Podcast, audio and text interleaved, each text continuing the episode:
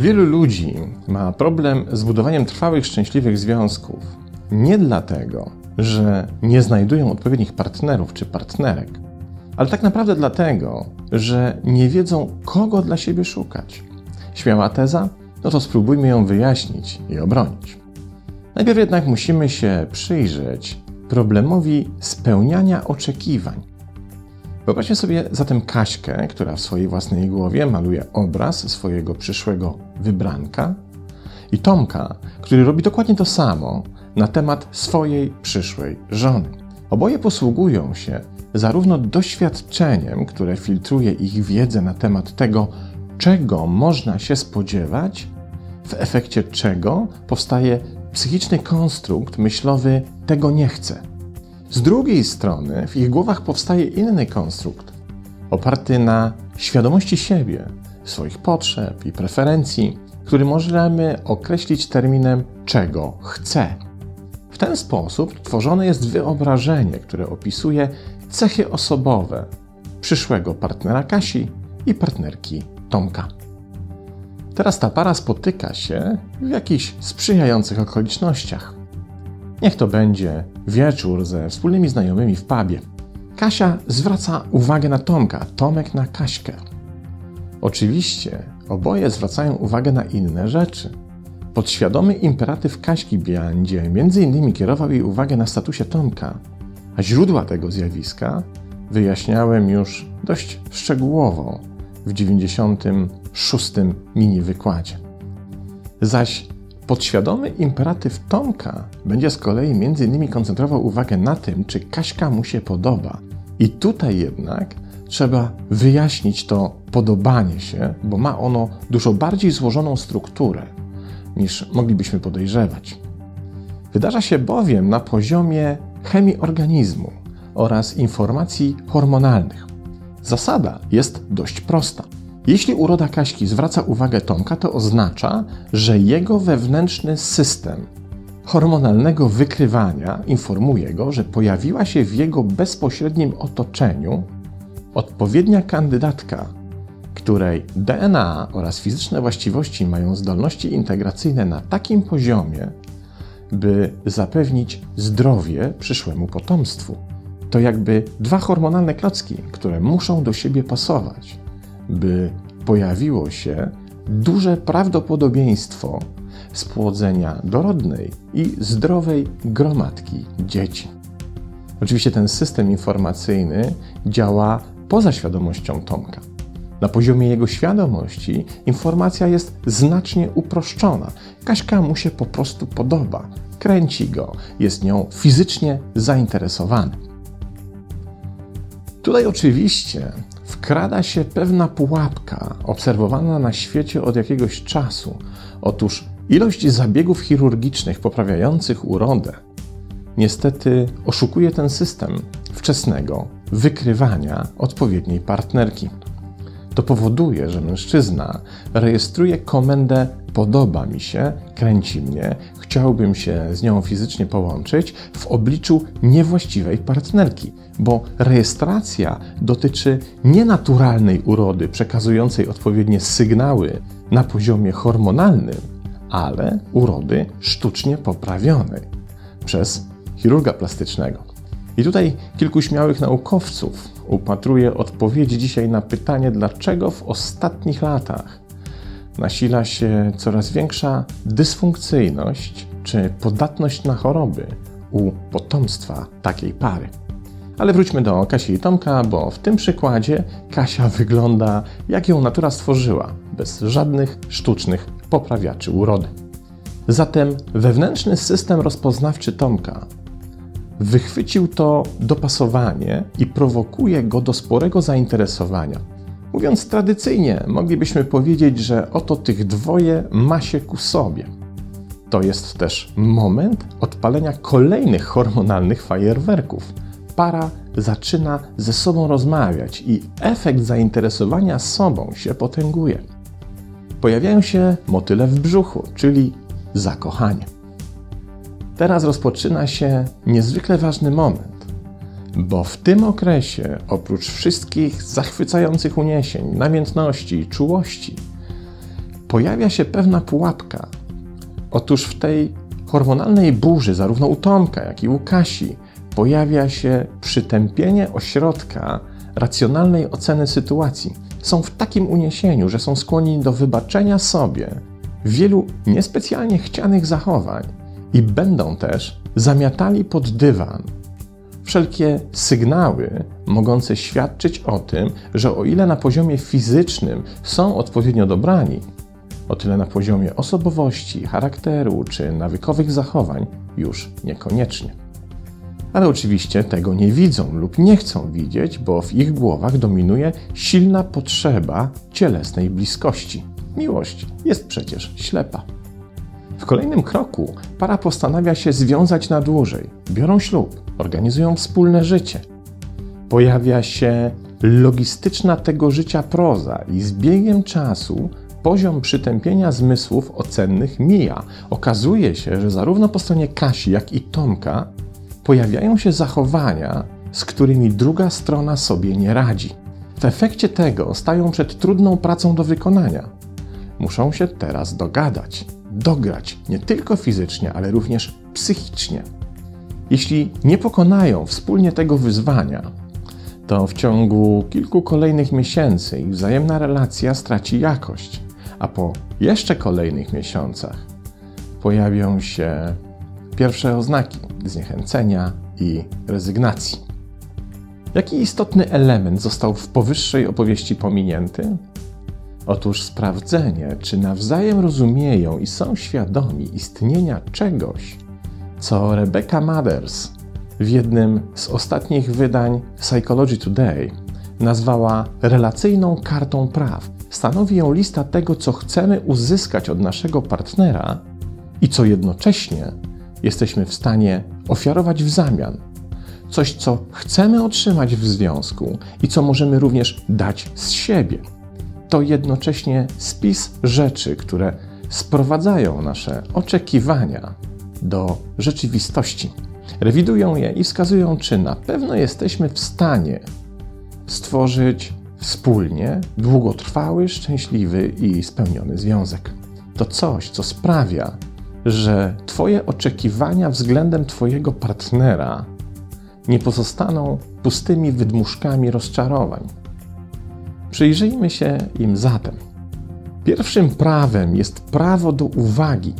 Badania potwierdzają, że czujemy się kochani wówczas, kiedy ktoś obdarza nas odpowiednią uwagą.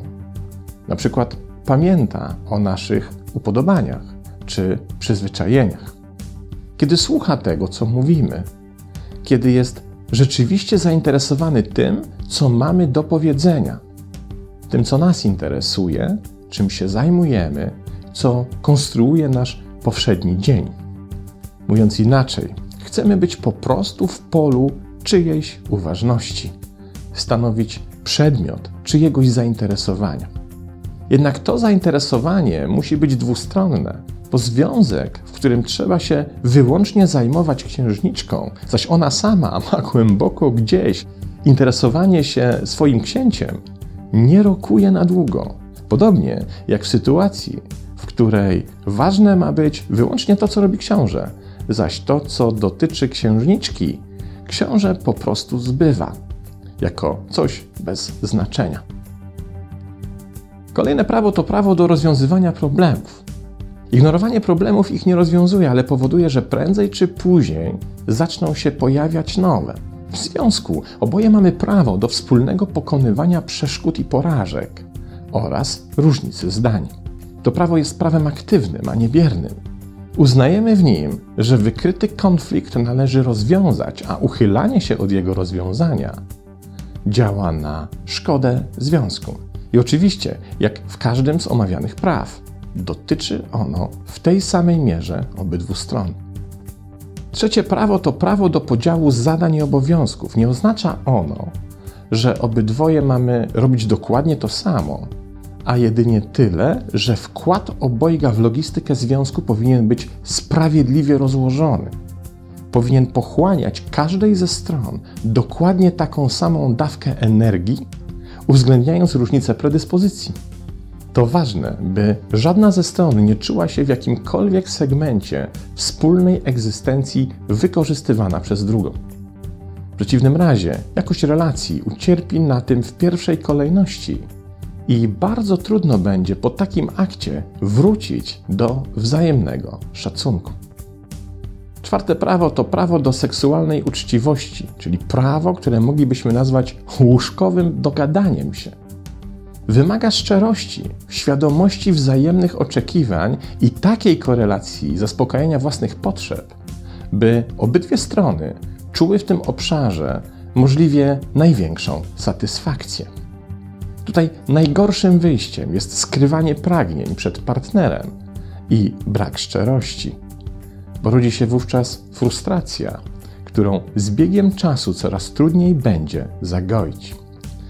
Piąte prawo to prawo do uczucia. Tutaj należy odróżnić to, czym jest początkowa namiętność w związku, od stałego uczucia, którym partnerzy winni się nawzajem obdarzać. Po prostu potrzebujemy w związku czuć się kochani. I jest wiele sposobów, niekoniecznie super widowiskowych, by spełniać nawzajem to prawo. Czasem wystarczy po prostu o tym porozmawiać, i to może być jedna z przyjemniejszych rozmów, więc szkoda by było jej unikać.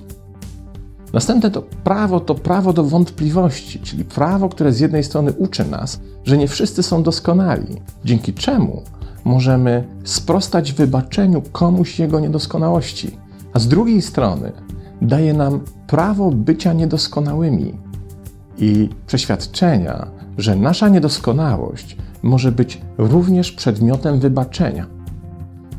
Prawo do wątpliwości daje nam szansę na zbudowanie zdrowego dystansu do partnera i do samych siebie. To prawo do powiedzenia: Nie podobało mi się to, co zrobiłaś czy zrobiłeś. Nie wszystko w tobie jest idealne, ale wiem, że i ja popełniam błędy. To prawo wspólnej odpowiedzialności za szkodliwe czyny, w którą to odpowiedzialność wkomponowane są zarówno przeprosiny, jak i zadośćuczynienie. Kolejne prawo to prawo do wdzięczności. Wdzięczność to niezwykle silne spoiwo związku, tylko trzeba umieć ją przyznać zarówno przed samym sobą, jak i partnerem. Odpowiadamy w niej na pytanie, za co sobie nawzajem dziękujemy za co jesteśmy wdzięczni. I wchodzą tu w grę zarówno małe rzeczy, jak pamiętanie o czymś ulubionym, czy rzeczy wielkie na poziomie egzystencjalnym, jak na przykład wspólne dzielenie się ścieżką rozwoju. Związek bez wdzięczności to związek szybko oddalających się od siebie ludzi.